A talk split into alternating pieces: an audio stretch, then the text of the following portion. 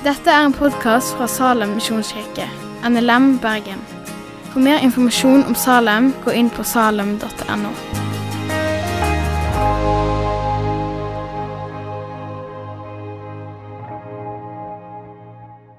Det var et ektepar fra Amerika på midten av 50-tallet som lenge hadde kjent på et sterkt kall. De hadde kjent på et sterkt kall om å bli misjonærer. Og De fikk dette her bekreftet av sin pastor og fra, sin, fra nærme venner. Og Det kontinentet de hadde fått på hjertet, det var Afrika. Og Mot slutten av 50-tallet, etter å ha blitt med i en misjonsorganisasjon, så var kofferten pakket, Bibelen på plass, og de var klare for å reise. Og de drar ned til kontinentet Afrika. Her begynner de med å sette opp med en gang de kommer ned, så begynner de med å sette opp menighet, og de begynner med bibelgruppe. Og de går fra landsby til landsby med forskjellige flyerser og deler ut. Og forteller om møtet og bibelgruppene. De kommer tidlig i kontakt med en ung gutt som blir med dem på hvert eneste møte og eh, hver eneste bibelgruppe. Men du ser, det er òg et problem. For etter det første året så er det bare rundt to-tre som kommer i bibelgruppen, og bare mellom fire og fem som kommer på møte. Ekteparet er litt sjokket over dette. egentlig, Tenker for seg sjøl ja, ja, men vi har jo ikke bedt om vekst. Så det de gjør når vi kristne virkelig vil ha noe, da ber vi, og så samtidig faster vi for å bli ekstra åndelige. Og De sender òg brev hjem til menigheten sin i USA. Du, kan dere være med og be for dette, og be spesifikt for at vi skal få vekst. Og det som også eh, blir sagt om det, er at det er et veldig stort prosjekt for denne misjonsorganisasjonen. De har investert utrolig masse ressurser og penger i dette prosjektet. Så det girer jo ekteparet enda mer opp at vi kan ikke feile. Men du ser andre og tredje året kommer, og det er ingen vekst. Det er faktisk negativ vekst. Så det som skjer, det er at de ender opp med slutten av tredjeåret, så er det kun denne guttungen som er igjen. Som kommer på møte og kommer i bibelgruppen. Men ekteparet gir seg ikke, for de vet jo at alle gode ting er fire. Men du gjettet riktig. Fjerde året det skjer ingenting. Det er bare én som kommer.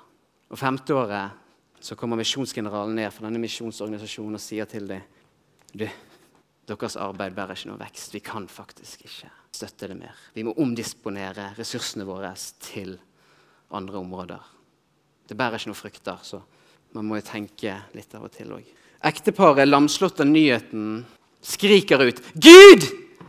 Dette var jo en drøm fra deg. Det var jo du som la på hjertet vårt kontinentet Afrika. Det var jo du som sendte oss ned. Og det var jo du som skulle bidra til vekst. Hvorfor får vi det ikke?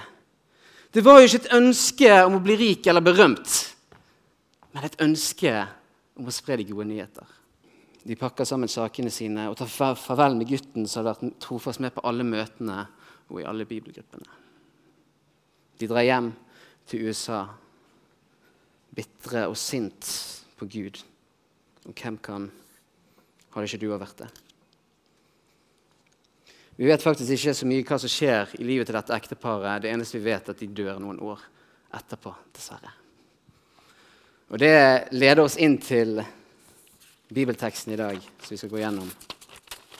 Vi skal gå gjennom Jeremia 29, 1-11 men først kan vi kanskje ta en kjapp innledning om profeten Jeremia. Profeten Jeremia fikk en av de tøffeste oppdragene i Det gamle testamentet. Han fikk i oppdrag om å lede et folk som var utrolig sta. Og ikke nok med det, så sier Gud til han, jeg tror det er kapittel 7, vers 27-ish, så sier han at de kommer heller ikke til å følge hans lederskap. Og Samtidig så ser vi at Jeremias profetiske lederskap er også i en tid med moralsk, politisk og stor religiøs nedgang. Og det, hvor alt ender med babylonisk eksil for israelsfolket. Og Så ser vi også at Gud befalte Jeremia til å levere et budskap om kritisk evaluering kontra et budskap om frelse. Han skulle få folk til å endre seg, og at de skulle søke omvendelse. Og Du trenger ikke ha en mastergrad i noe som helst for å skjønne at mennesker hater å endre seg. Det var kanskje derfor alle nyttårsforsettene slutter Vi slutter med dem rundt 26. januar, tror jeg. eller en sånn dag. Men yes, men da er vi klare for å lese. Kristian er der. Det er bra. Så da, Jeg tror vi skal få det opp på skjermen her. Og det, kapitlet begynner med at Israelfolk er bortført av kong Nebukadneser. Og de er hans rike, og de befinner seg i byen Babylonia. Og Vi skal begynne å lese fra vers 4.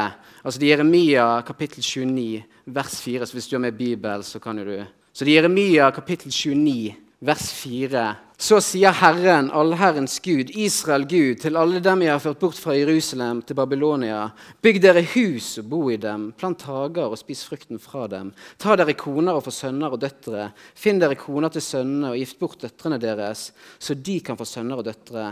Der skal dere øke i tall og ikke minke. Så kommer vi til vers 7. Se til at den byen som jeg har ført dere bort til, må ha fred og framgang, og be til Herren for den, for når det går den vel, går det også dere vel. Vi må lese vers 7 en gang til, tror jeg.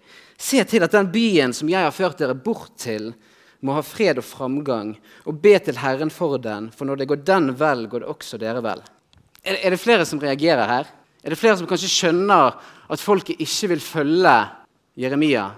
Jeg ser for meg israelfolket som er bortført fra Jerusalem samles og sier 'Hello, Shomi. Har du hørt den der eh, Jeremia?' Han, han, begynner å si at vi skal sørge for denne byen som vi er bortført til. At vi skal sørge for fred og framgang. Ja, fy feite, han har drikket mye Pepsi Max i det siste. på sånn. For det han gjør, det, det går ikke an. Hadde du ikke tenkt Jeg gidder iallfall ikke å gjøre noe for denne byen her. Vi er jo bortført for svarte. Vi er med et fremmed folk, et folk som ikke deler våre skikker eller vår region engang. Og vi skal sørge for der, dens framgang. Men det som òg er interessant her, da, det er at de er faktisk i en by. da.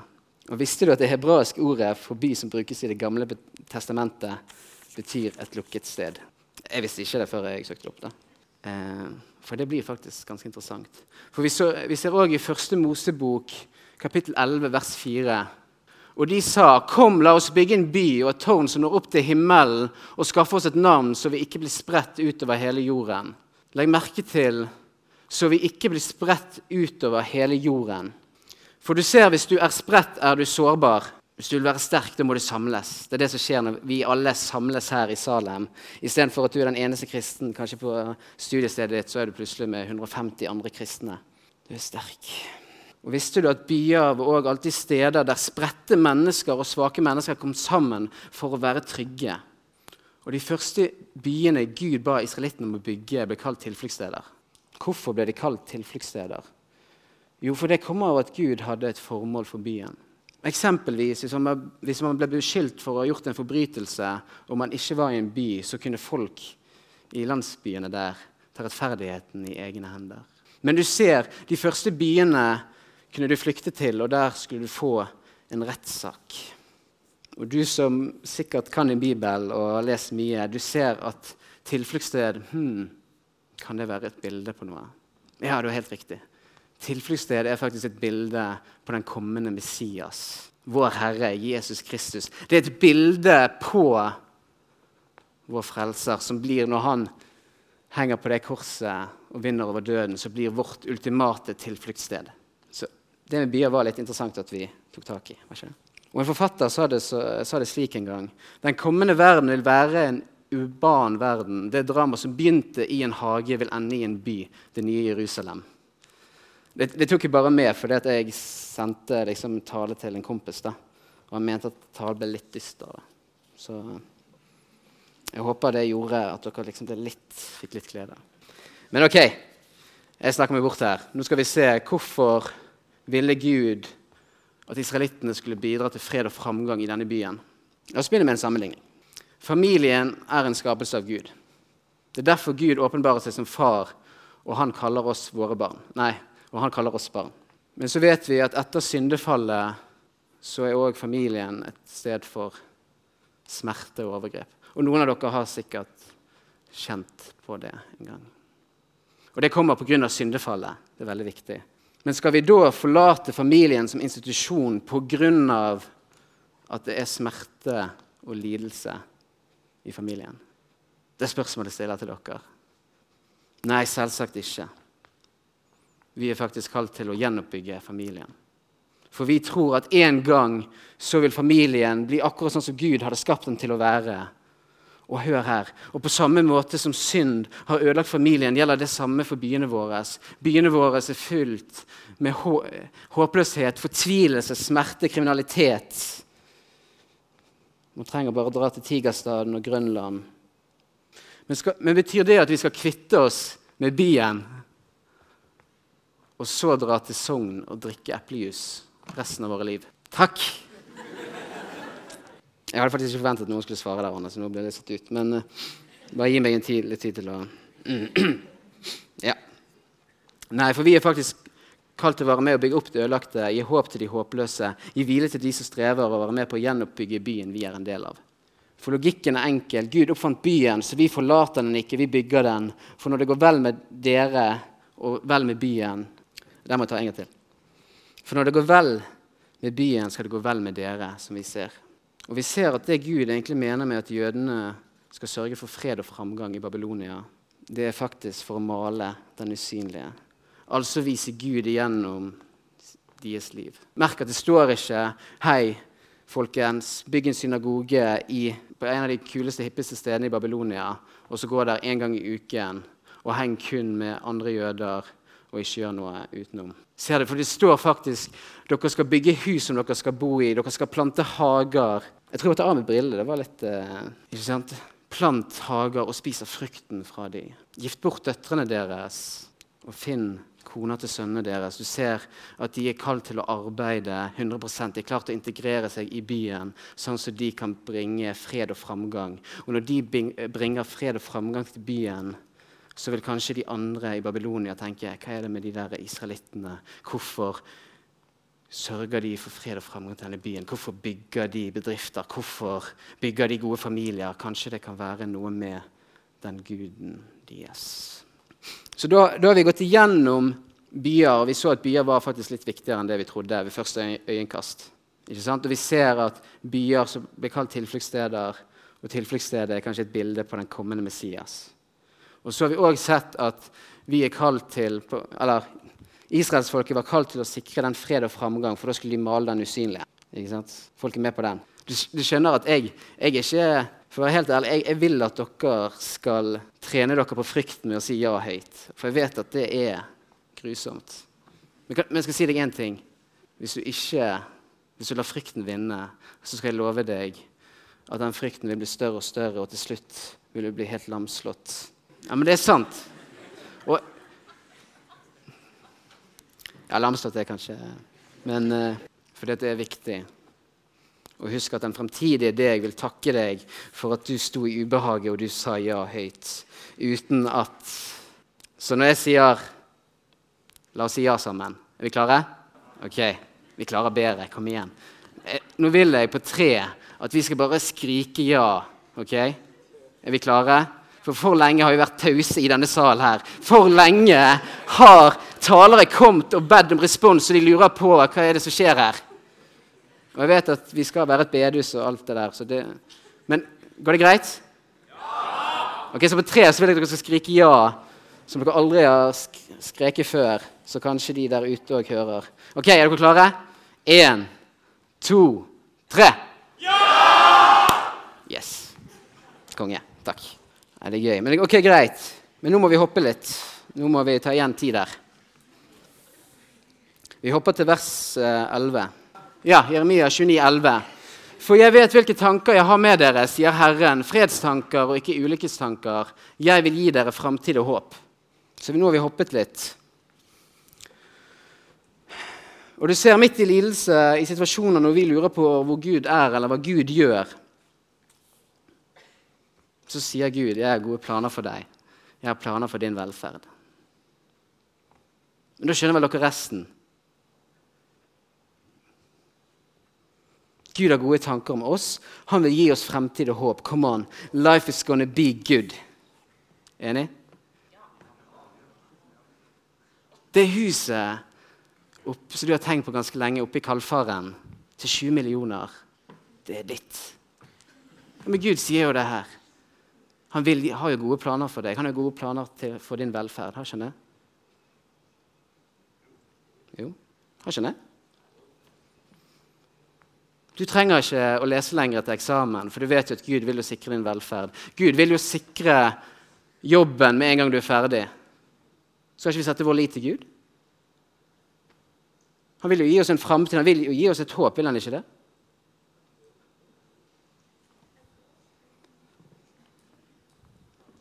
Det er bra du begynner å skjønne tegningen. For du ser eh, Nå tenker du òg liksom sånn Andreas, hvor er du vil hen? Men du ser, de tingene jeg snakket om nå, det kalles på teologispråket tror jeg, herlighetsteologi. Og Der hovedprinsippet bygger på at Gud vil at du skal være sunn, velstående, og at Gud skal holde deg fra all lidelse. Og Hvis du bare stoler nok på Han, så vil han holde deg fra all lidelse. Og Hvis du da befinner deg i lidelse, kan det være et tegn på at du mangler tro. Er det noen som har hørt det?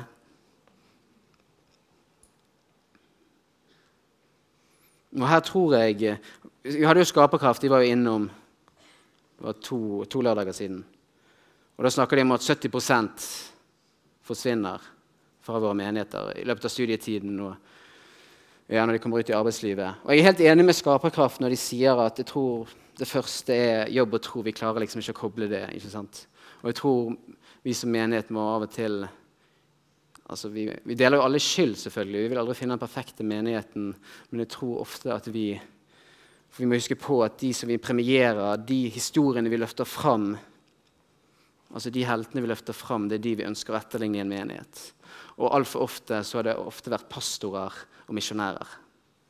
Og Derfor blir det sånn at folk kommer og jeg har ikke tenkt å bli misjonær til utlandet. Sier, det er ikke noe galt, det er veldig bra å bli misjonær. Jeg jobber, jeg jobber, i NLM, så jeg står innenfor det de sier. Men det jeg prøver å formidle, det er at hvis vi kun løfter fram det, så er det 90 av dere som Jeg har ikke tenkt å reise til Afrika. Og det tror jeg er viktig at vi som menighet og du i din vennegruppe òg løfter fram andre ting òg. For de historiene du forteller, det er de historiene som vil gi gjenklang i evigheten.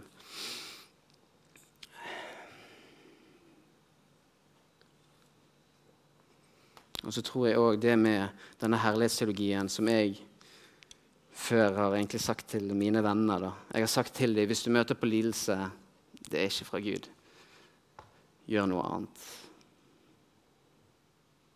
Jeg har faktisk sagt til mennesker du, derfor du går gjennom lidelse, er derfor du har for lite tro på Gud. Er det noen her som har gjort det? Er det noen her som har misforstått Gud? For Grunnen til at vi hoppet til vers 11, det er ofte fordi at herlighetsteologer trekker ut bibelvers fra sin kontekst. For det handler om å lese Bibelen. Sin kontekst er viktig. For du ser, nøkkel her er den samme tingen som det var for Guds folk på Jeremias tid. Vi skal, vi skal lese nå i vers 8-10.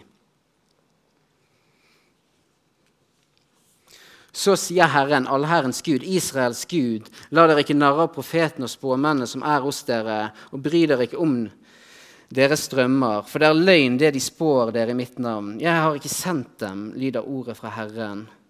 Så sier Herren, når 70 år er gått fra Babylonia, skal jeg se til dere. Jeg vil gjøre det jeg har lovet, og føre dere tilbake til dette stedet. 70 år er lenge. Det er syv, og så er det null etterpå. De fleste av oss her Jeg håper iallfall at jeg har oppgradert min adresse. Da. Men uh, for du ser det som skjer. Du ser at vi kan ikke følge hovedprinsippet om at Gud vil at du skal være sunn og velstående, at Gud vil holde deg fra all lidelse. Det funker bare ikke. Han sier jo til israelsfolket dere vil være her i 70 år. For det vers 8-10 lærer oss, det er ikke tro på falskt håp. Ikke tro på at Gud vil holde deg fra all lidelse, eller at Gud vil ta vekk smerten din raskt. For det Jeremia 29, 29,11 lærer oss i virkeligheten, er det motsatte. Guds folk var i eksil etter Guds vilje. Og, Guds kom, og Ifølge Guds ord kom ikke lidelsen til å ta slutt med det første. 70 år. 70 år. For du ser, håpet ditt er ikke at Gud vil hjelpe deg fra lidelse. Det Jeremia lærer oss, er at Gud vil føre deg igjennom all lidelse. Jeg tror jeg må lese den setningen igjen. Håpet ditt er at Gud vil hjelpe deg fra all lidelse. Det Jeremia lærer oss, er at Gud fører deg igjennom all lidelse. Men Gud lover òg at lidelsen, lidelsen skal ende på lang sikt. Eksil skal ikke være slutten for deg. For han har gode planer for deg, og Guds planer er garantert å seire til slutt. Og Det leder oss tilbake til historien om ekteparet som følte og trodde at de hadde mislykket. For du ser denne guttungen som var med på hvert eneste møte, som var med i hver eneste bibelgruppe, han vokste opp til å bli Zulu. Er det noen som har hørt om Zulu? Ja. Og Zulu han ble faktisk en forkynner, og gjennom hans virke så er det estimert at over en million mennesker tok imot Jesus. Er ikke det imponerende? Men du ser, det ekteparet fikk aldri sett dette her. De døde før dette skjedde. For du ser, din lidelse vil ikke ha det siste ordet. Jeg har gode planer for deg, og Guds planer er garantert til å seire til slutt. Jeg håper dette ekteparet leste gjennom Jeremia, og at de skjønte at Gud ville føre dem gjennom lidelsen. Han ville ikke ta dem fra lidelsen. Så nå eh, kommer vi til oppsummeringen. Vi går inn for landing. Så det vi har sett, er at Gud bygger byer. Vi har sett at byer betyr noe mer enn det vi trodde. Vi ser at byer faktisk er en skapelse fra Gud, og han ønsker å gjenoppbygge byer. han kommanderte faktisk israelsfolket til å sikre den byen de var bortført til, sin framgang, fred og velferd. Og så tenkte du sikkert Andreas, hva vil du med herlighetsteologi? Hvorfor gikk du gjennom det? For du ser at hvis, hvis, vi forstår at Gud vil føre oss gjennom lidelse, så har vi forstått en stor ting. For det som skjer da, det, det, det som skjer da, det er at selv om vi bygger en by opp for det gode, så vil vi fremdeles møte lidelse. Altså Lidelse er gitt, men det betyr ikke at vi trekker inn årene og sier ja, det med Gud det er, ikke, det er ikke relevant for meg. Akkurat nå er det for tøft. Jeg gidder ikke være kristen lenger. Gud, du ser jo, jeg gjør jo alle de riktige tingene. Jeg går jo på møte, jeg eh, gir penger til tiggere. Jeg, jeg snakker om Jesus til mine ikke-kristne venner. Jeg går på de festene. Jeg sørger for denne velferden, for jeg bygger hans rike på mitt studiested eller kollokviegruppe. eller hva enn det skal være. Og så tenker du, men allikevel så går jeg gjennom lidelse. For du ser, når vi sikrer en by sin fred og framgang, så vil vi fremdeles gå gjennom lidelse. Det er ikke sånn at hvis du gjør én god ting for Gud, så tenker han ok, da, da skal ikke du ha lidelse. For Gud Gud styrer verden, Gud har skapt verden, men han har også gitt oss et fritt valg. skjønner du. Og Derfor vil det være ondskap i verden. Og Jeg snakket med Wilhelm. Kjenner, kjenner alle folk til Wilhelm? Altså, Wilhelm er veldig glad i å snakke. da. Så Hvis alle er med og snakker med han, så blir det veldig bra. For han, han digger å snakke, og det er faktisk det jeg digger med Wilhelm. da. Og Wilhelm har faktisk ansvar for gå-ut-tjenesten her i Salem. Takk. Det blir bok på deg òg. Um, og jeg snakket jo med Wilhelm, da, og så sa han noe som bare er bare Jeg vet ikke om det har vært en sånn situasjon at uh, Eller det har vært en sånn samtale du bare tenker hva skjedde der? liksom? Hva var det han sa? Det var jo helt strålende. For det han sa det er at Når de går ut og deler ut boller og kaffe og sånt til uteliggere, så kan det være at av og til så kommer det folk med negative kommentarer. Og jeg tenkte jo med meg sjøl ok, så da skjeller du vel de ut, Wilhelm.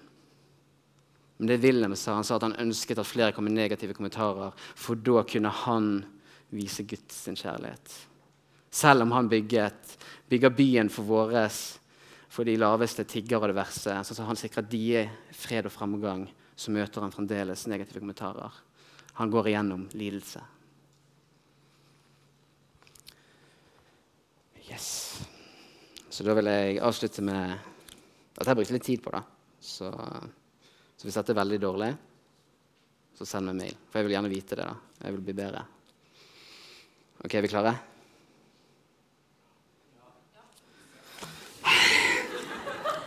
Ok, takk. Gud kaller oss til å være disipler, og med andre ord hate to break it, men da er vi faktisk kalt til å være med og bygge byen vår. og hvis du lurer hvilken by, så er det Bergen.